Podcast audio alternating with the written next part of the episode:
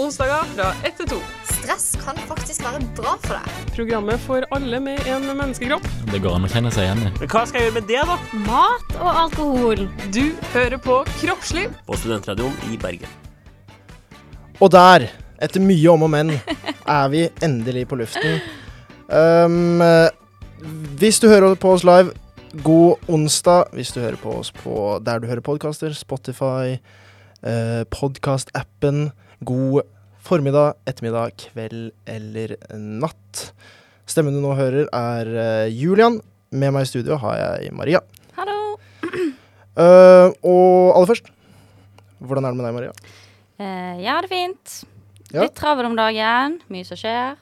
Men sånn er det av og til. Ja, Litt travel. Hva har skjedd siden sist? Eh, hva har skjedd siden sist? Ja, for det er liksom et vanskelig spørsmål. Jeg føler at det skjer mye, men så vet Mm. jeg liksom ikke helt hva som skjer. Hvis du skjønner hva jeg mener. Ja, ikke sant. Det har skjedd uh, mye. Ja, mm. Mm. Men uh, dagen i dag, hvis du skulle rangert den?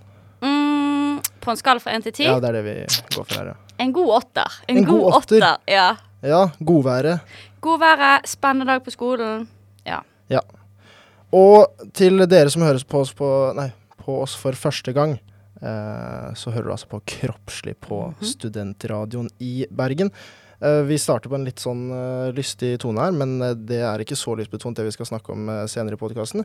Temaet for dagens eh, episode Ja. er altså døden. Eh, har du noen umiddelbare tanker? Eh, spennende tema. Mm. Mm, ja, vi skal snakke litt, reflektere litt, komme med litt harde fakta om døden Sånn. Ja. Eh, Ja, fordi Ja. det er jo, uh, i motsetning til uh, vanlige episoder som vi spiller inn, uh, så er det jo kanskje ikke det biologiske som er den største delen her. Det er ikke så mye vi kan lære bort om, om døden. Vi kan fortelle dere litt akkurat hva som skjer i den dødsprosessen, og så blir det litt mye annen type snakk også om Ja. livet etter døden, både for, de som, både for de som er etterlatt, og kanskje også for, For de som gjennomgår ja, mhm. prosessen. Uh, så jeg glemte å si hva jeg har gjort siden sist. Ja, det glemte jeg også å spørre deg om. Mm, Hva har du ja, gjort nei, siden sist? Um, jeg har begynt å lese en bok, OK, hvilken da? og det eh, jeg, blir, jeg er alltid fornøyd når jeg begynner å lese en bok. Um, den heter uh, 'Tenk mer som en Munch'. OK, interessant. Så det, jeg driver og tenker mer som en Munch nå. Hvordan tenker en Munch? Nei, det er det jeg prøver å finne Ja, ut av. OK. Mm. da. Men uh, foreløpig så synes jeg munkene har mye uh, fint å komme med. Og så leste jeg også, i og med at jeg har begynt å lese om munker, så leste jeg også at de er de lykkeligste menneskene på jorda. Jaha. Og hvis man kan bli litt mer lykkelig av å tenke mer som en munk, så er det noe å oppsøke. Absolutt. Men uh, vi skal kaste oss inn i dagens tema. Aller først skal vi høre en uh, liten låt. Det er ukas låt, faktisk. 'Har ikke tid' heter den. Ja da, det er Torstein Hyl, du hører på Studentradioen. Yo, jeg har rocka hver en eneste klubb, en hver eneste stadion. Når jeg er i Bergen, så hører jeg kun på Studentradioen. Yeah. Og der var vi tilbake igjen. Uh, du hører på Kroppslig på Studentradioen i Bergen. Vi skal snakke om døden. Det sa jeg på en litt for lystig måte, men det er nå det vi skal snakke om. Eh, aller først så tenkte vi å bare ta de harde faktaene og få de litt på bordet. Hva det er som uh, skjer i dødsøyeblikket. Mm. Og så valgte jeg å bruke ordet øyeblikk, men uh, vi er vel enige om at det er en prosess, ja. Det er ikke sånn at det er et svart-hvitt øyeblikk der det går fra fullstendig bevissthetstilstand til ingenting i det hele tatt. Mm. For hvis vi skal ta det litt steg for steg, da, Mhm. så er det jo sakte, men sikkert at ting begynner å gå tregere Ja. inni kroppen din. Blodet pumpes tregere. De sier vel at det første organet som ryker, er hjernen, eller det begynner å nedbrytes. Mm. Ikke ryker fullstendig, det må, vi få, det må vi også snakke litt mer om senere. Fordi, men det første som begynner å uh, brytes ned, er jo da hjernefunksjonen. Enig i det? Ja. Bra. Og deretter så er det sakte, men sikkert en uh, En uh, altså kortslutning I alle organer. i alle organer. Så øh, hvis vi Og det gjør jo også at det er vanskelig å si det presise tidspunktet for når Ja. døden inntreffer. Ja. Fordi at det skjer ikke på samme tidspunkt. Nei, det er akkurat det. Mm. Og så er det også Dette leste jeg veldig nylig. Mm. Um, fordi det er jo nå vi har lest kanskje mest på dette de siste dagene. Ja. Uh, at det er sånn at du kan sette et eh, dødstidspunkt, um, og så fant jeg ut ifølge litt forskning, så er det en timinuttersperiode der du fortsatt har hjerneaktivitet i ettertid. Ja, Som er veldig interessant. det er det. Fordi når du da setter Og det her skal vi også snakke mer om eh, etterpå, denne tiden etter døden.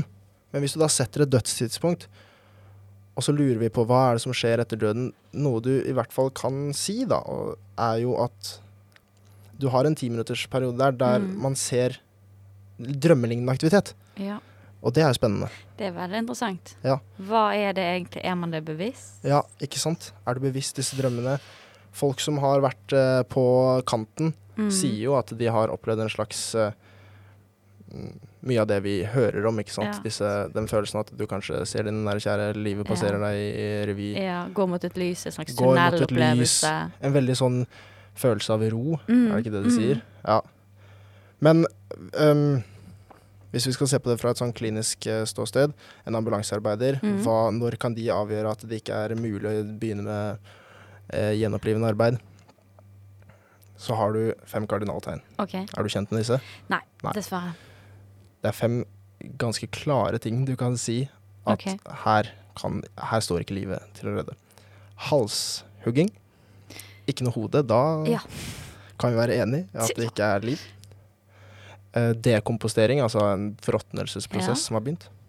Det som kalles rigor mortis. Okay. Er vi kjent med det? Nei. Dødsstivhet. Ja, ja, ja. Ja. Mm.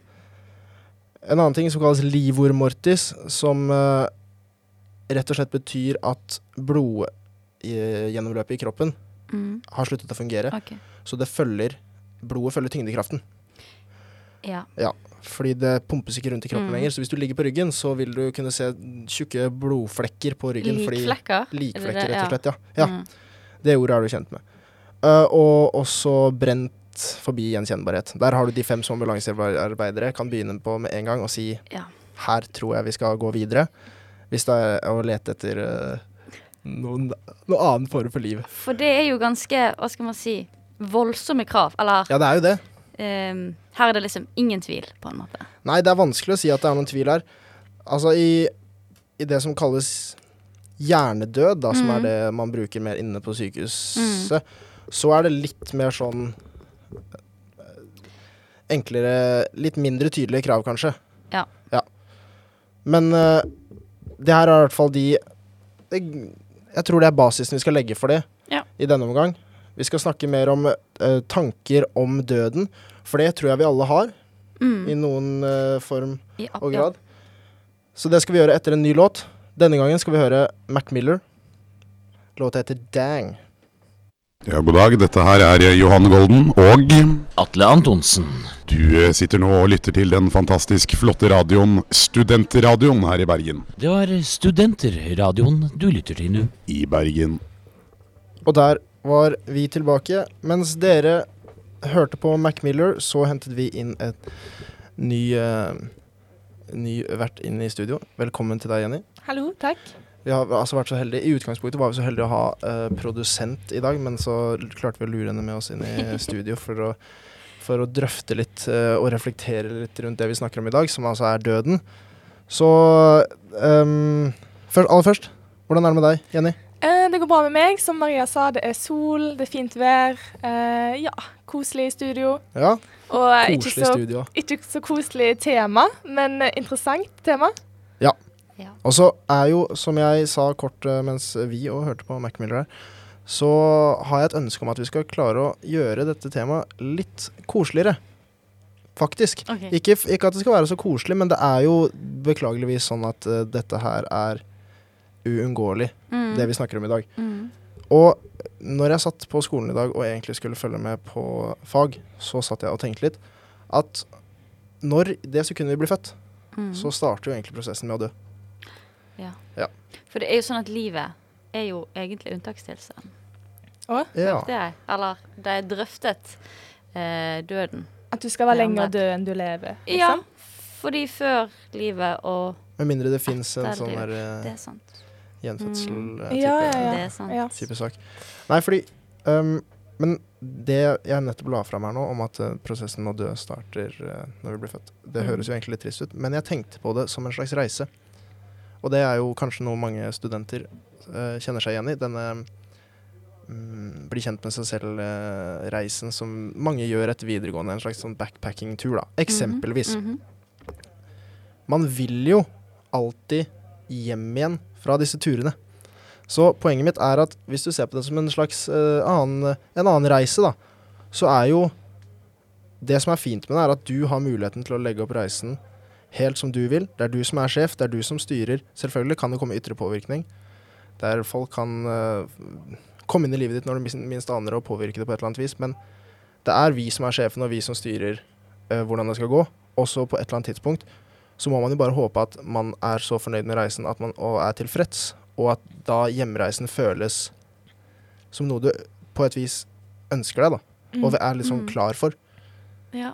Går det an Det var en Blir det litt hyggeligere da? ja det var, jeg syns det var en veldig fin måte å tenke på det på. Ja. Ja, og for jeg har jo ikke lyst til å leve for alltid. Nei, man vil nei, jo ikke det. Jeg har, nei, jeg har ikke lyst til det. Jeg syns det er digg å tenke på at eh, en dag så Ikke det, sant? Det høres litt trist ut, men for min del går det greit at jeg en dag skal dø. Ja. Så da kan jeg jo heller prøve å liksom, se på det som en reise, da. Ja, men det er akkurat det. Ja. Og jeg er helt enig med deg. For man blir jo Tenk om vi hadde fått blitt født, og så ble vi fortalt at nei, det her er eh, evigheten for deg nå. Da hadde du nok hatt en mindre sånn eh, behov for å gjøre det meste ut av hver dag. Ja. Mye mindre motivasjon til å gjøre ting. Mye mindre For du har jo all, da har du faktisk all verdens tid, da. Ja. Da kan du bare kjøre på i evighet. Og all verdens tid høres jo egentlig litt slitsomt ut, kanskje. Det er mye tid. Ja, det. All verdens tid er veldig mye tid. Men jeg har også, mm, som research de siste dagene, spurt litt venner om deres eh, tanker. Det hadde du gjort òg, Maria? Var det så? Nei, jeg prøvde, men det høres ut som du har gjort en mye bedre jobb enn Ja. det jeg har gjort. Så Nei, så, men eh, det er ikke sikkert. Men eh, jeg hadde hørt fra en kompis, og han eh, eh, snakket om den lille døden. Har noen av dere hørt om det før? Nei. Nei. Det, han ville egentlig ikke at jeg skulle si det her på lufta, men jeg velger å si det likevel. Um, den lille døden er, det er et fransk uttrykk um, som viser til Nå prøver jeg å gjøre dette temaet litt hyggeligere. Det viser til den lille, det lille øyeblikket rett etter en orgasme. Der man mister bevisstheten litt, eller man får en sånn svekkelse av bevisstheten. Det er, det er kjent for mange. Det, det, jeg håper noen av dere lytterne der ute kjenner til dette, dette fenomenet. Det er, så dette kalles tydeligvis da, fra fransk, den lille døden. Okay. Så det var hans tanke. Det var første jeg spurte. Nummer to snakket om frykten for døden, men ikke for seg selv, men for menneskene rundt seg. Som jeg tror er noe uh, mange kjenner på. At man er um, Altså, i, i oss selv så går jo ikke vi i det daglige, jeg vet ikke med dere, og tenker Nei, jeg at man tenker veldig lite på døden, egentlig. mm, Mm. Ikke sant? Ja, sånn fra dag til dag. Men jeg får noen sånne øyeblikk, spesielt hvis jeg ikke får sove, og så begynner jeg å tenke på døden. Så Ja. Men hvordan tenker du på det da? Får du sånn dødsangst? Ja, det er litt sånn Ja. Eller jeg bare begynner å tenke på OK, hva er døden? For jeg tenker liksom på OK, på alle relasjoner jeg har, på alt som skjer. Ja. Og en dag så er det bare å bli svart. Og, og litt sånn Så skal det svarte vare for evig, eller er det noe mer, eller Og så blir jeg sånn Jeg blir jeg, Ja, jeg vet ikke. Jeg bare får en veldig rar fysisk Blir du litt sånn følelse. Ja, jeg blir sånn Ja. Ja. Det er en veldig rar følelse. Mm. Jeg har noen venner som har dødsangst, de er liksom sånn De blir liksom redd bare av å tenke på det, men jeg, jeg tenker ikke så mye på det. Jeg kan av og til føle sånn Hvis en står på et stup, så kan jeg litt liksom hoppe Ja. liksom, fra det stupet, Ja. og det er jo helt idiotisk. Ja, Hvorfor men skulle jeg ha gjort det? Jeg skjønner hva du mener. Ja. Ja. Den kjenner jeg meg igjen i. Akkurat som jeg har lyst til å på en måte Nei, jeg vet ikke. jo. Ja. Ja, men jeg er, redd, jeg er ikke redd for høyder, men jeg er redd for meg selv ved høyder, ja, Ja, akkurat som okay, du sier. ja. for jeg- for jeg den Impulskontroll, liksom. Ja, Ja, lite for grann. trang til å hoppe. Mm. Men, uh, Men ja, det er jo ikke altså, Jeg går ikke og tenker på dette veldig mye, altså, men det er bare sånne øyeblikk som jeg får. nei, men det er jo derfor en Um, har religion, eller sånn, mm. fordi en ser for seg et liv etter Mm. døden, da. At det er trygghet i det. Det er Mm. fordi folk er redd for at er dette Ja. alt? Eller Mm. Ja. for, ja. Veldig sant. Men uh, det var fint du egentlig tok opp denne dødsangsten. Eller, uh, ja, fordi jeg har egentlig noen kjappe spørsmål. Ja. Um, og det er egentlig ja- og nei-spørsmål i første omgang. Mm. Hvis dere kunne, hadde dere hatt lyst til å vite når dere skulle dø? Eh, nei. Ikke i det hele tatt. Nei. Nei, det, det kan, da kan det vært i morgen, liksom, og da vil ikke jeg vite det i dag, på en måte. Nei, Nei. det vil jeg ikke vite. Da hadde vært så stressa. Hadde du? Ville jeg visst det? Nei. Nei. Ingen av oss? Nei. Nei. Men uh, OK, neste, da. Tror dere Ja, få høre. Ok, men Hvis du hadde visst at du skulle få vite når du skulle dø, men du vet at det er om, om 30 år, liksom. Du får vite, ja, du får vite dagen du skal dø, men det er, du får liksom forsikre deg om at det er 30 år til. Hadde dere villet vite det da? Men at det er akkurat 30 år, eller minst 30 år? Nei, eh, minst 30 år. Minst 30 år? Ja. Ja. Altså kan det være 35-40, Ja. men minst 30. ja. Nei. Nei. Nei, OK. Hadde ikke hatt lyst da heller, altså. Nei, jeg tror ikke jeg har lyst til å vite det uansett. Nei, OK. Neste spørsmål. Jeg har et nytt et. Tror dere på liv etter døden? Holdt på å si. Noe mer etter døden? Jeg tror litt på sånn ehm, Sånn gjenferd og sånn av og til. Mm. Ja, At det er folk som går igjen? ja, det tror jeg på. Her inne i Studentradioen i Bergen. Det kan godt være. Mm. Men jeg tror ikke alle går igjen. Jeg tror bare noen går igjen. Men hvem er det som går igjen, da? Er det de som har noe uferdig? Ja, kanskje de som døde litt brått, sånn. Ja. Eller har opplevd noe sånn skikkelig sånn Nei, jeg vet ikke. Sånn, Mm. Men går Stort. man da igjen der man døde? Ja en sånn 500 meters radius. Ja, okay. Kan ikke gå utenfor. Nei. Nei. Du da, Maria? Um, jeg syns det er et veldig vanskelig spørsmål. For på en måte så tenker jeg livet er for fantastisk til at det ikke kan være noe mer. Ja. Men livet er også litt for sånn Vår eksistens er litt for sånn meningsløs også at det ikke kan være noe mer på et vis, tenker jeg, da. For hvis, vi, hvis det her er alt, hva er det egentlig vi utretter? Eller hva er det vi Ja, jeg, det, ja. Men eh, jeg tror mitt svar er ja. Du tror på noe mer? Dette skal vi Ja. også snakke mer om etterpå. Skal vi ikke det? Jo, det Vi kan vi tenkte å snakke litt om eh, livet etter døden. Um, men før det så skal jeg stille dere et spørsmål til. Mhm. Og det er ikke et ja-nei-spørsmål. Det er eh, Nå må jeg ha et konkret svar. Hvis dere kunne velge én dato, og dere skulle få vite om dere levde eller ikke levde den datoen Skjønner dere? Mm, at vi skal velge en dato. Ja, det, det her er, det her er Fordi dere, si dere kan si Eller et år, da. Et Eller en alder. La oss si en alder. Dere okay. kan velge å si Lever jeg når jeg er 57 år? Og så får dere et ja- og nei-spørsmål. Hva slags alder hadde dere valgt da? Fordi hvis du går ut høyt da og sier sånn 70 år, jo høyere du går ut, jo større er jo sannsynligheten for at du får et nei. Jeg vet ikke hvem som skal svare deg. Å ja, ja, ja, ja, ja, Ja. ja, ja. At det, hvis jeg er sånn Jeg lever nå 27, så er det Ja, sånn og så er det sånn Ah, null stress. Ja, ja. Ja. Men da vet du Mm. ingenting etter Ja. 27. Ja. Jeg skjønner. Oi, jeg tror jeg hadde tatt sånn um, uh, 45-50, eller Ja. noe sånt. Jeg hadde ikke turt å gå Nei. Nei. Jeg tenker litt det samme, men så tenker jeg også sånn Hvis jeg bare sier 25, liksom, så Da Ja. vet jeg jo like mindre, eller eh, Eller 24, så vet jeg jo like mindre Altså, jeg vet like lite som jeg gjorde for ett minutt siden. Liksom. ja, for du, du er 24 nå. Ja. Ja, ja men da Så da, da får du rett og slett ingen svar i det hele tatt. Og det er jo akkurat det jeg egentlig vil. Jeg vil Ja. jo Du ikke vil ikke vite. noe? Nei. Hva med deg, da? Jeg tenker en liten sånn betrygging hadde jo vært greit. Så bare gå litt høyere enn der jeg er nå, ja. Vært, Jeg er kanskje enig rundt deg. Sånn Skal vi se Par og 40, ja, kanskje. Men hva hvis du hadde fått nei, da? Nei, Da blir det har du- ingen da har du betrygging. Da har du det å forholde deg til, da. Ja, da. Ja. Da er det, da er det bare å kjøre på med den tiden Ja. du har igjen. Det kan like gjerne være, da være i morgen. Sånn, Jeg tror jeg er så cocky at jeg skal leve til sånn jeg blir 100. eh, ja. Liksom. Ja. det, Jeg leste nå at gjennomsnittsalderen på kvinner som blir født i 2021, er 85 år. Ja. Og det er 15 år uh, høyere enn det var for sånn 20 år siden. Mm. Mhm. Så det går voldsomt opp. Så Det det kan fort hende dere lever til dere er 100, begge to. Det er som med brev av kongen. Ja, for brev av kongen, ja. ja. Men da har vi fått eh, noen nye tanker om eh, døden herfra.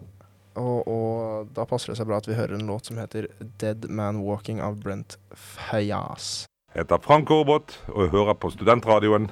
En fri og uavhengig og dyptpløyende radio. Um, velkommen tilbake. Du hører på Kroppslig på Studentradioen i Bergen. Vi snakker om døden. Og det vi tenkte å snakke litt om nå, er da hva som skjer etter døden. Uh, og det er selvfølgelig flere plan man kan se på det på.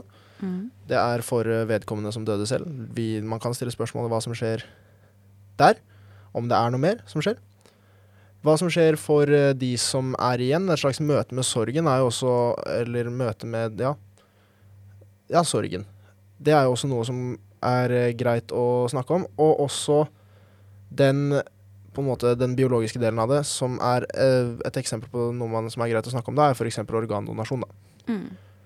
Så hvis vi begynner aller først med det biologiske, så har jeg lest eh, igjen, som man gjør når man forbereder seg til det.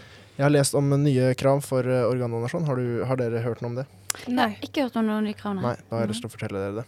For tidligere så var det sånn at man måtte erklære den totale hjerneødeleggelsen, da. Som vi snakket så kort om i stad. Mhm. Um, men nå, de nye kravene her, er Det gjør rett og slett at du trenger ikke være totalt hjernedød for at det skal kunne doneres organer. Og litt av grunnen til dette er jo også at når du er totalt hjernedød, så blir jo funksjonen av organene ganske fort også ødelagt. Mm. Så og det, jeg vet det, Nå ser jeg på Jenny sitt ansikt at dette syns hun var helt sykt. Det er ikke sånn at du kan ta bare en Jeg ser for meg noen som ligger i koma, og så bare tar du ut Rett og slett. Er dere det? Det er eh, hvis noen ligger i, på respirator, og de ser at det ikke er mulighet for å hente tilbake til på en måte normal funksjon her, til en, en, ja, en gjenkjennelig funksjon, så kan man per nå eh, åpne opp for at organer kan doneres. Altså man kan ta valget om at nå skal vi kutte respirator, og så skal mm. organet doneres før det på en måte Ja, går for okay. mye til spille. da. Men det er jo selvfølgelig ikke sånn at det er et håp. Hvis det er et håp om at de Ja. kan komme tilbake, så begynner vi ikke å donere organer. Men det er bare interessant at det har blitt sånn, for tidligere så var det jo som sagt sånn at du måtte være helt uh, fullstendig avklart at det er hjerneødeleggelse her. Men uh, da har vi i hvert fall uh, det på plass. Og så um, Hvis vi skal snakke om det vi var så vidt inne på i stad, da. Har, har vi noen klare tanker? Ja, få eh, høre. Spør, ehm, for nå er det jo på en måte litt mildere krav til organdonasjon, da, som jeg Ja. forstår det. Er det fordi at det er mangel, eller hvorfor ble det endret? Ja, det vil jeg tro. Ja, Det er ganske lang venteliste. ja, det er jo det. Ja. Mm. Mm. Er dere uh, organdonor? Jepp. Ja, jeg òg. Jeg har ytret uh, et ønske, men jeg har vel ikke sånn organdonorkort. Det har jeg ikke. Nei, Nei, det er Det har dere. Men det er jo bare å det er bare å si det. Jeg har sagt til familien min, da. Ja, men det er nok. Det er det, ja? ja. Og så er det fint å tenke på at ditt organ kan leve videre Mm. i et Ja. annet menneske. ja. Ja, det er veldig bra. Jeg så en um, Han uh, Nils Ingar Odne, som mistet uh, hun skikjæresten Mm. Ida. sin. Ja, Ida. Mm. Han, hadde en, han hadde sagt at uh, han hadde våget seg fram til en sånn uh, vits i minnestunden hennes, uh, som var at fordi lungene hennes ble donert bort Mm. når hun uh, døde. Og da uh, sa han at uh, vedkommende da som har fått altså donert disse lungene, må ha tatt seg en sykkeltur og tenkt hva skjedde nå? Ja, ja, For ja. hun fikk jo noen ekstremt velfungerende lunger på en av altså, Norges best trente kvinner. Mm. Så det, plutselig så kommer du tilbake og er mye sterkere og frisk. Altså, og mest sannsynlig så er det jo det.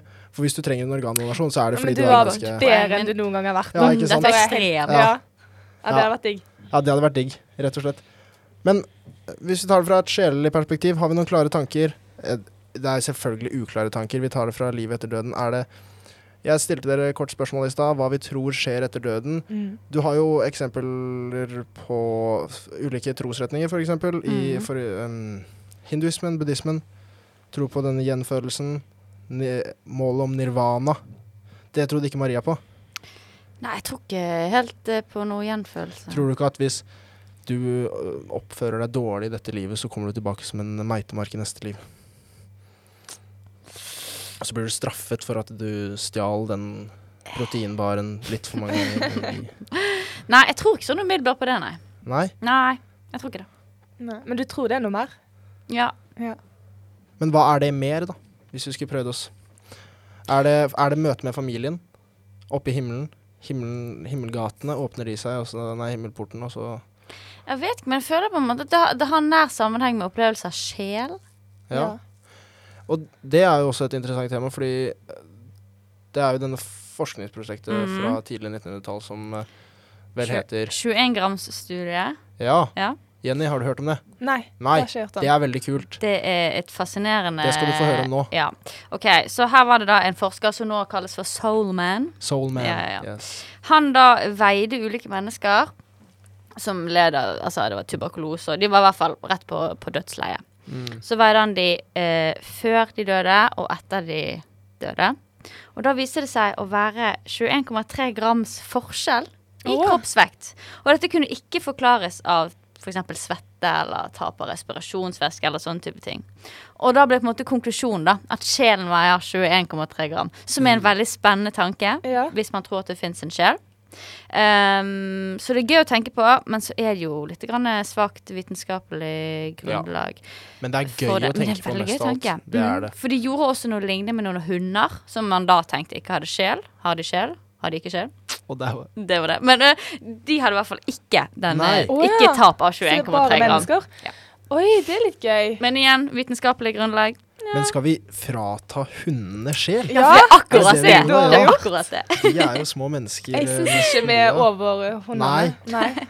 Nei, nei, det må være en annen forklaring her. Ja. Det må det nesten være. Det er ikke det bare blod som flytter på seg, eller noe sånt? da? Jeg vet ikke. Men da er det jo der, liksom. Ja, nei, jeg vet ikke. Hmm. Det er sant. Gøy å tenke på, i hvert fall. Ja. Um, An ja. at, du blir, at du tørker ut. Vannet i kroppen tørker ut. Nei, for det Eh, kunne ikke forklare seg det. Det var ingen, det er jo- ingen mulig forklaring. Det Nei, og dette skjer jo rett etter døden har Ja. Så det er på en måte ikke noe okay. mm. Men Du må jo sjekke ti minutter etterpå, da. Um, Ja. Ja. Team. Fordi det var Tenk om, de, tenk om de funker i ti 21,3 grammene har kommet tilbake. Ja, Så det- sjelen bare prøvde seg. Altså, nei, vet du hva. Jeg blir her inne, jeg. Nei, men det Nei, men det er er interessant. Ja, det er veldig interessant. Mm. Ehm, jeg hadde egentlig Åh, jeg hadde noe ehm, en, en tanke som jeg For jeg stilte også en annen uh, kompis spørsmålet om eh, tanker om liv etter døden. Og det var veldig gøy, fordi jeg nevnte kort i stad dette med hjerneaktivitet rett etter døden. Og akkurat Du kan stille spørsmålet om det er et langt eh, liv vi skal leve etter døden, eller så kan du si at de ti minuttene med hjerneaktivitet som man kanskje har, da, det kan jo føles som For det har man. Det hørte kanskje ikke du i stad, Jenny. Men det er ti minutter etter at Men nå- ja. hjertet slår, hvor du har Mhm. hjerneaktivitet. Det kan jo føles som et helt liv. La oss se for oss at det er en harddisk som alt skal slettes på. Så de ti minuttene etter at hjertet slår, så har, du ti, eh, så har du en hjerne som bare skal nullstilles fullstendig. Så alt bare popper opp. Og det kan, det kan jeg se for meg. Hvis du kan se for deg at du ligger og sover, du rekker å drømme ganske mye på ti minutter. Ja. Ja. Så tenk om det føles som et helt sånn Et helt liv levd. Men, ja, men det er jo folk Ja. som har eh, blitt erklært død i Ja. så, så og så mange minutter. Så har de begynt denne prosessen da, med å Mm. se alle minnene. Ja. Og så har de kommet tilbake og så har de fortalt at de har sett livet i revy, eller hva det heter. Ja. Ja. Liv i revy, ja. Mm. Det er jo et velkjent fenomen at man gjør. Mm. Ikke, men, men det hadde jo vært kult om det var så, da. Men så sletter er det, da, så er det. det ingenting igjen etterpå, fordi da er det sletta. Ja, f- og der igjen så er det jo litt sånn Det er jo vanskelig å, å argumentere for at det er noe, i hvert fall i det legemet igjen, um, når hjernen slutter å fungere. Mm. Og så kan du separere det kroppslige med det sjelelige og si at sjelen kanskje lever videre, men å si da at sjelen lever videre inni den døde kroppen, det, Det- føles i hvert fall Ja, oppløst. det, ja. Hvis du Mm. skal være bevisst, men ligge Bare ligge. Mm. Så man må jo, hvis man skal tenke at det er en sjel som er separat fra kroppen, så blir i hvert fall jeg klart mest betrygget av å tenke at vet du hva, nå dør mitt legeme, men sjelen skal få lov til å ut og fly. Mm. Så, så det, det er klart Jeg husker sånn da for noen år siden så hadde jeg en sånn tanke om at stjernene var sjeler. Ja. Så jeg pleide å se på stjernene, så pleide jeg å se sjeler til eh, Eller se på det som sjeler til mennesker som eh, jeg hadde mistet. Og så var jeg sånn at mm, et stjerneskudd, det var på en måte Da var de tilfreds. Å Så da da hadde de vært liksom Da hadde de gjort den jobben sin, og så er det noe som er så fint med det at et stjerneskudd er knyttet til så mye håp og positivitet for oss her nede, da. Så på en måte da, det, da var det bare en siste sånn krampetrekning. Nå Nå mm, Holdt på å si Er jeg ferdig? Mm. Da kommer jeg som et stjerneskudd. Noen ser det. Får en nytt, ny giv, Mm. og så har de gjort jobben sin. Ja, det var Hva- veldig fin. Ja. Hva er dine tanker nå? Tror du på livet etter døden? Um, ja. Nei, you jeg, begynte, jeg svarte for tidlig. Jeg tror vel ikke direkte på livet etter døden, men jeg har et håp om at det er en slags Jeg håper fortsatt at jeg blir overvåket At jeg Jeg føler at jeg kan kommunisere med med noen av de som jeg har mistet, da. Det Mm. gjør jeg. Jeg liker i hvert fall å tenke det. At når jeg sitter ute og ser på stjernene Jeg har fortsatt en nær tilknytning Mm. til stjernene. Det er en fin tanke. Mm. Ja, det føles litt mer meningsfullt da, fordi det er noen ganger så kan døden føles fullstendig meningsløs. I hvert fall når det ikke er alderen som tar en, så er det vanskelig å akseptere at det skjedde. Og da er det greit å bare ha noe og tenke at vet du hva, du er her fortsatt bare i en annen form. Mm. Mm. Og du kan på en måte fortsatt gjøre den samme Ikke jobben, men du har samme rolle i mitt liv. Mm. Bare på en På en litt annen måte. Så da, men det er jo Da er vi litt inne på det møtet med sorgen nå, fordi Mm. jeg har um, Vi snakket litt om Vi hadde Når vi hørte musikk her i stad, så snakket vi litt om noe, noen av oss hadde noen møter med døden. Mm. Og det er jo interessant, fordi det er jo veldig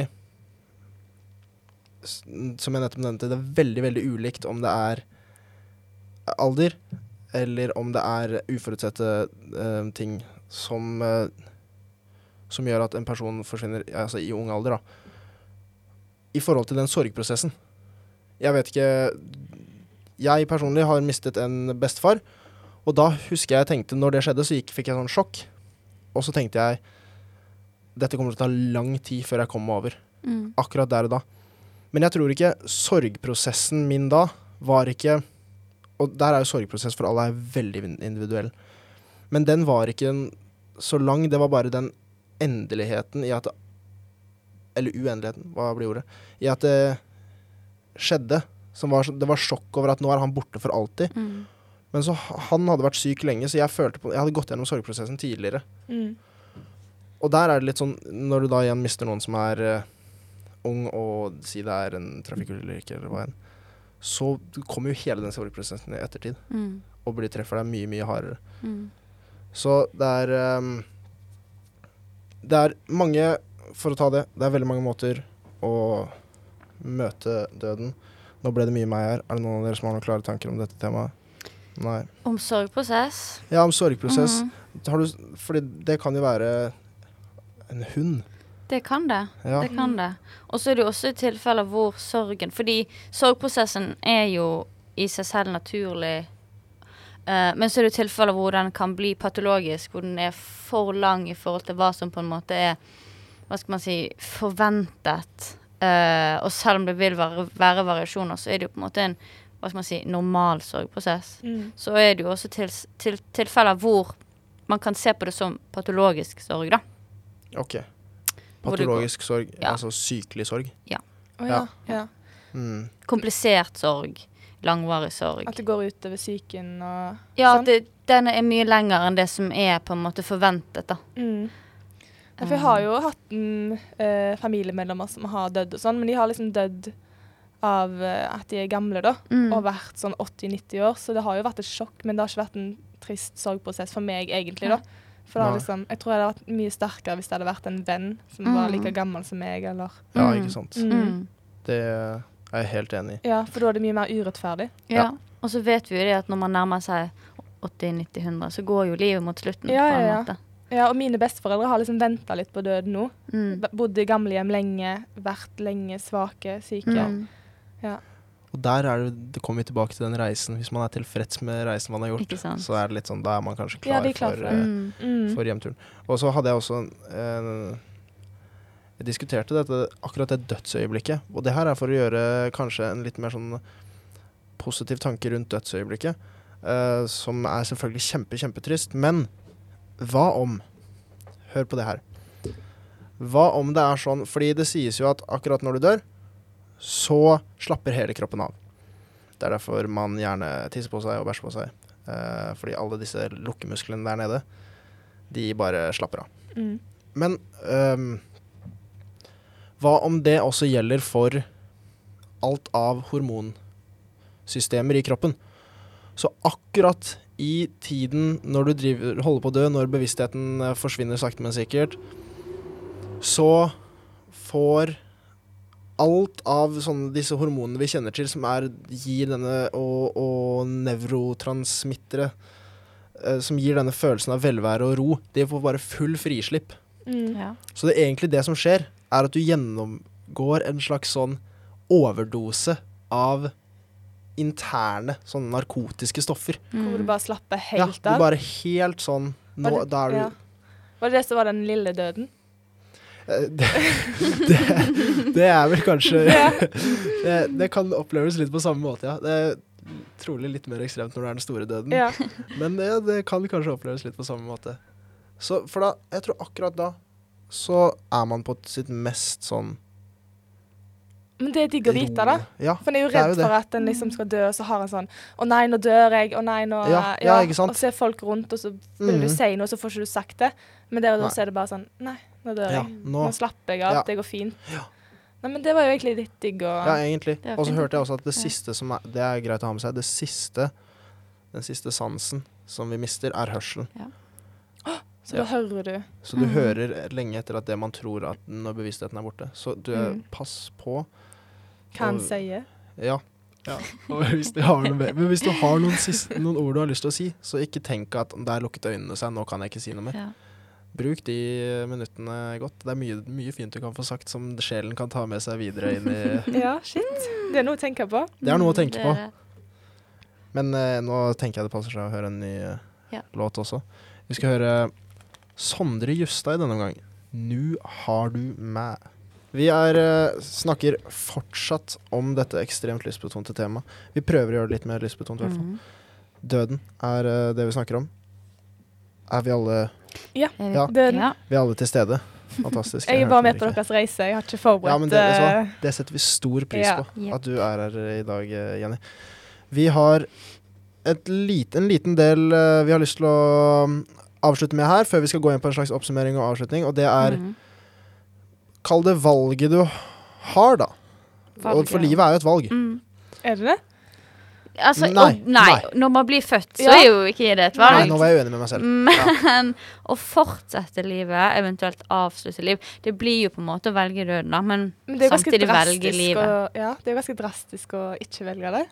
Det er er, helt sant. Ja. Det Det er sant. veldig drastisk, Det- men i noen tilfeller så, så kan det være at drastiske valg eh, trengs litt. Hvis på en måte dette livet du lever, ikke føles eh, Mm. levelig. Og derfor Jeg er jo I hvilken grad man skal ytre en klar mening om man er for eller imot noe her, så er jo noe som er mer og mer i vinden, er det som kalles eutanasi eller aktiv dødshjelp. Ja. Fordi det er jo sånn at For å si meg enig med deg, Jenny, livet er ikke et valg, men døden Hvor lenge vi vil leve, det er jo i bunn og grunn opp til oss selv. Med mindre det er noe uforutsett som kommer og eh, Ja. avslutter det for oss. Ja. Men dette aktiv dødshjelp, da. Hva, kan vi gå og forklare kort hva det er for folk? Ja, det handler jo i bunn og grunn om at man tar et valg om at man vil avslutte livet av ulike grunner. Altså, som, altså Ja. sykdom. Det er jo gjerne Sykdom. sykdom. Man, man, man må jo Det er det som er fordi man kan jo velge å ta uh, selvmord, avslutte livet på egen hånd. Mm. Det kan man. En faktor ved det er jo at det er sjelden sånn at du har gått til alle rundt deg og sagt 'Jeg kommer til å ta selvmord. Går det greit for dere?' Det er, sant. tror jeg. Nå skal jeg passe på hva jeg sier her, men det tror jeg. Men det som er fint med aktiv dødshjelp, sånn jeg ser på det, og sånn jeg har lest om det, er jo den at det er en lengre prosess der familien må inkluderes, Mm. og dine nærmeste. Mm. Og hvis de faktisk inkluderes, og de, får lov, og de er enig i at det kan være Mm. det beste, At de får være med på det. at de får være med på det, ja. Ja. Mm. at det blir en ting man gjør sammen, fordi at det som er alternativet, å fortsette som man gjør nå, ikke er Det er ikke levelig. Da mener jeg at det har mye fint med seg, faktisk. Selv om det er å avslutte et liv som vi alle er enige om at ikke er en positiv ting. Mm. I hvert fall ikke en, et ungt liv, eller et Altså tidligere enn Ja. Det som det skulle trengt å leve, da, holdt jeg på å si, Mm. men um, Det Jeg føles i hvert fall som en mer sånn Ja, jeg skjønner hva, hva du mener. opplevelse. Ja. Ja. Ja. At en får være med på prosessen og være med på tankene. Ja. Og, ja, ja, ja. Og det er jo sånn at flere og flere land, både i Europa, Sveits og Nederland blant annet, og også Mm. noen flere stater i USA, har jo nå åpnet for denne muligheten her. Mm. Mm. Men Så- ikke i Norge. Nei. Foreløpig ikke. Men folk reiser til Sveits og Ja, Ja. de gjør visst det. Det var ikke det et sånt TV-program for uh, Det var det. Det var ganske Uh, Ja, jeg så det. Det var ganske sterke inntrykk. Ja, ja, ja. Og da er det Um, Ja. Det var sånn at det TV-programmet het et helt halvt år, var det ikke det? Nei, det er en Nei. film. Ja, ja. ja, for der òg var det vel Ja, denne filmen den er veldig bra. Ja. Okay. Mm. Har dere sett den? Jeg har sett den. Ja. Grein du? Om jeg grein? Ja, den er trist. Ja, jeg grein. Ja. Men den er trist. Mm. Men samtidig så fikk jeg en litt sånn Jeg forsto Du forsto hvorfor han valgte å gjøre det Ja. sånn? Ja. Til alle som ikke har sett et helt halvår eller lest boken, så kan jo det anbefales. For det ja, er den kan anbefales. Jeg har lest boken. Du er en av de, ja? Verken sett eller lest. Den er sikkert på Netflix. Ja. ja den må Mm. du se. Den er sikkert på Netflix. Jeg tror, det, jeg tror jeg så den tidligere for ikke så lenge siden. Ja. Ja. Se den, Maria. Ja. Så kommer du til å skjønne hva jeg mener, for der er, der er denne tematikken i Nå reiser. Ja, fordi der er det en person som er lam, fra liksom halsen og Mm. ned.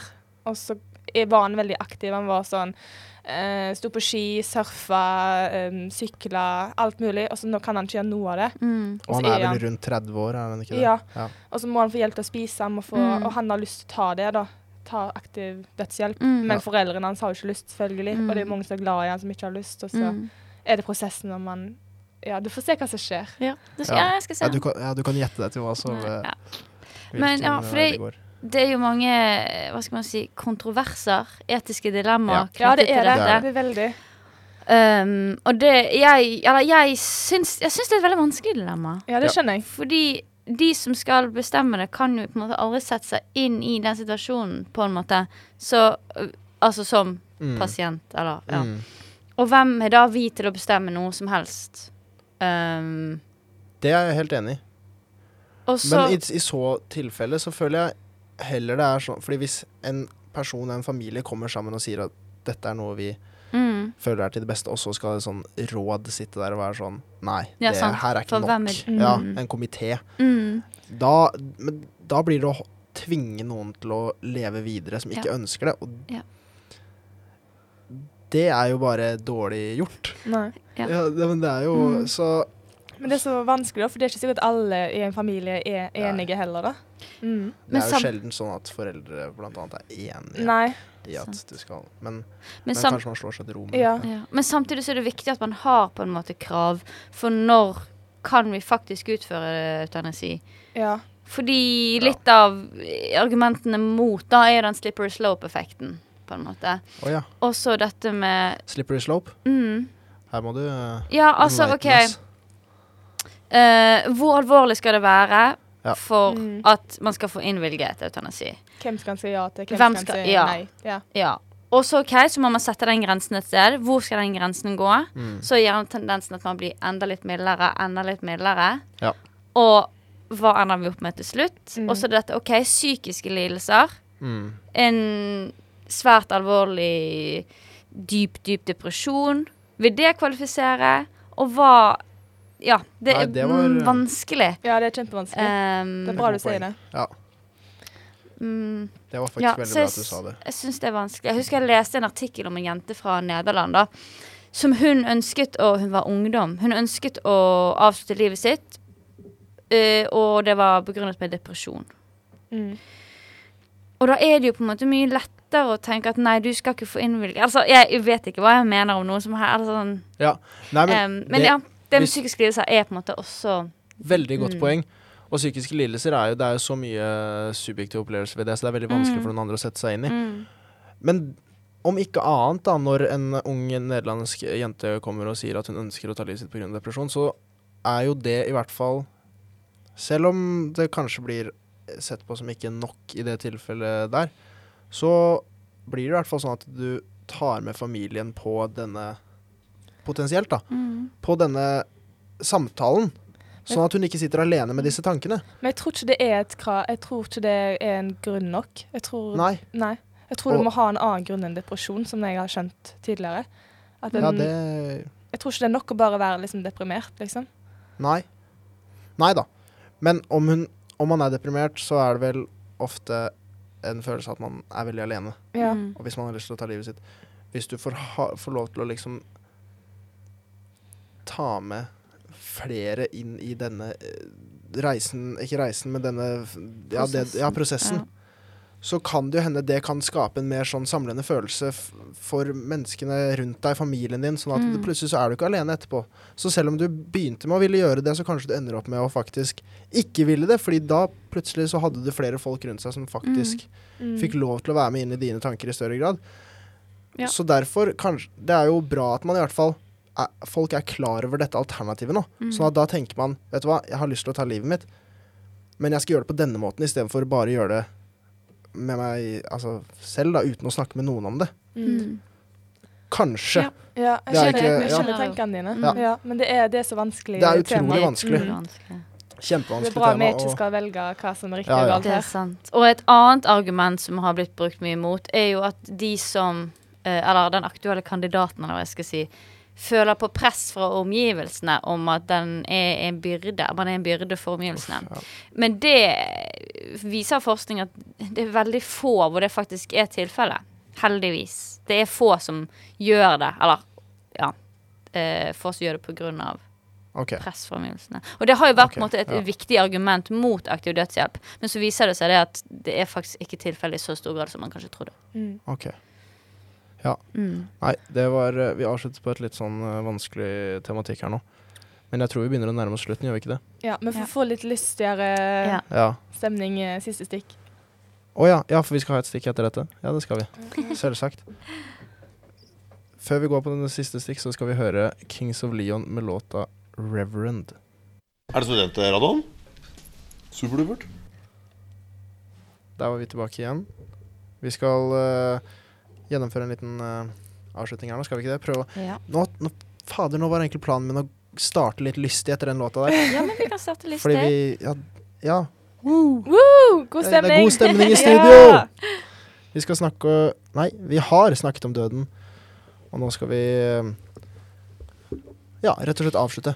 Ja. Skal vi ikke det? Og for en lystig start på avslutningen, så Ja, kan det- vi jo snakke om hvor fint livet er. Ja. Hvor fint livet er, ja. Ja, jeg er så glad i livet. er motsatsen, er det det? Ja. Til det vi har snakket om nå. Du er Mm. glad i livet. ja, jeg er veldig glad I glad hvert fall i dag. Åtte av ti. Generelt på eh, hverdagsplan veldig glad i livet. Ja. Det er Men du ga deg selv en åtter i dag, gjorde du ikke det? I dag var en god dag. Ja. Mm. Hva sa du? Hva sa du? Jeg har ikke gitt eh, noe Dagen i dagen? Nei, eh, jeg tror jeg tar en sju. En sjuer? Ja. ja. Litt litt mer misfornøyd enn det Maria jeg. Ja. Ja. Jeg, holder, jeg driver og skriver master, og det er slitsomt. Ja. Måtte ta meg en liten dupp midt på dagen der, for det, er så, Ja. det tar mye energi. ja, det skjønner jeg. Ja, men det kommer til å bli uh, Men du har Bra. litt, du har litt godvær som kan Ja, godvær. Mm. Og gi energi. ja, Ja. det hjelper mye på eh, energien, det. ja. Har du et terningkast på din dag, Julian? Uh, terning, terningkast. Eller én til ti, var det vi Stor terning. Tolv, Dagen eh, min i dag har vært en Jo, jeg legger meg på en syver, jeg òg. Ja, du gjør det. Ja da, absolutt. Jeg er egentlig fornøyd med dagen i dag, men jeg er ikke sånn euforisk, kanskje. men det, det, er ikke så, lag- det er ikke så stor forskjell på en syver og en åtter, så sånn sett så er er sant, det ikke sånn at det er eh, Men du skulle noe gøy nå snart? Ja, jeg skal på escape room. Ja, Ja. Da kan jo dagen bli en tier, da. Ja. Det kan den. Hvis du klarer det, så blir det fort en tier. Hvis ikke, så Ja, jeg f- jeg er Konkurranseinstinktet. ikke så sterk på escape room. Uh... Jeg, tror, jeg tror dagen jeg har vært på escape room, det, det var ikke så god stemning. Oh, ja, OK. Så det er litt sånn 50-50. Jeg er litt redd for at det kan bli litt Ja. småhissig, Ja, men vi får se. Skal spørre deg igjen i morgen, eh, Maria. Ja. Hva har vi snakket om i dag? Vi har snakket om døden. Mm. Vi har eh, snakket om uh, den biologiske døden. Mm. Kort. Det er uh, ikke et svart-hvitt øyeblikk. Dette er en prosess. Hjertet slår saktere og saktere. Hjern, hjernedød. Man mister uh, bevisstheten, og så mister bevisstheten. Jo da. Er det en måte å si Det det på? man si. Ja, man gjør jo det. Mm. Så man blir i mindre og mindre grad bevisst, og så etter hvert så er det altså ikke noe blod som pumper rundt i kroppen lenger. Og Mm. dermed så er vi jo da klinisk døde sett på som det. Reisen er over. Reisen er over. Vi har Reisen kommet hjem, og forhåpentligvis er vi tilfreds med den reisen vi var ute på. Mm. Mm. Det er jobben vår. Ja, det er det. Så får håpe at man eh, selv får uh, i størst mulig grad bestemme når hjemturen, uh, Ja. hjemturen skjer, da. Videre hva, hva mer har vi snakket om i dag? Vi Tanker har om vært døden, litt har vi ikke det? filosofiske. Snakket Ja. om tanker om døden. Mm. Livet Både- etter døden. Livet Mm. etter døden. Og Er det noen som brenner inne med noe som vi ikke har fått sagt på det innenfor det her nå? Nei. Vi føler oss eh, godt eh, Hvis det er noen av dere som hører på som har noen tanker om dette, så vil vi gjerne høre fra dere òg, da. Vil vi ikke det, Maria? Det vil vi veldig gjerne. Ja. Det vil vi. Sorry, Jenny. Det var ikke meningen å spør, bare spørre Maria først der. Men det Det går bra. Jeg Ja. er ikke noe fast medlem i Nei. Kroppslig, så det poten- Plutselig så er det Plutselig. det. også. Ja. Nei, fordi det er Vi vil eh, absolutt høre andres tanker òg. Vi har jo våre Mhm. tanker. Vi sitter her og snakker om et tema som er veldig vanskelig. Folk um, reflekterer nok mye, rundt, mye mer rundt det her enn det det snakkes om, kanskje. Mm. Jeg tror det er Mm. noe vi Ja. Alle har jo sine tanker om det, for det er jo på en måte en av de tingene En av de få tingene alle mennesker har til felles. Ikke sant? Mm. Det eneste som er sikkert når du blir født, er at du skal dø. Ja. Ja, Det, ikke sant? ja, og det er de Mm. felles for alle, så det er liksom De sier vel uh, død og skatt. Betale skatt. Okay. Det er vel Det- eh, det er det andre som er sikkert. Ikke hvis du flytter opp på Hardangervidda og bor i sånn hytter. Hytte. Som, Nei, det er sant. ja, som jeg har sett på eh, hvor ingen skulle tro at noen kunne bo. Oh, ja. Mm. De betaler ikke skatt, Han de nekta. der. Han brente oh, ja. passet sitt og bare lever i hytta. Ja, ok. Du kan vel også betale Nei, flytte til sånn skatteparadis. eh, Ja. Island, ja. Oi. Mm, Muligheter. ja, det er masse fine muligheter på den reisen vi er ute på, alle sammen. Mm. Og så Hva Er det noe vi ikke har nevnt her nå? Snakket jo også litt om eh, aktiv dødshjelp. Aktiv dødshjelp. At det er et problem Eller Mm.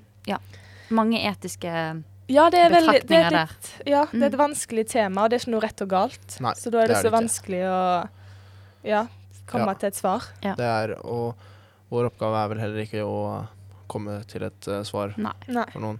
Folk har gjerne sine tanker, og det nok en gang Vi vil gjerne høre om noen har noen tanker om dette temaet. Ja. hva heter vi på Instagram, Maria? Heter vi Heter vi ikke kroppslig, da? Tror- Heter vi bare Kroppslig?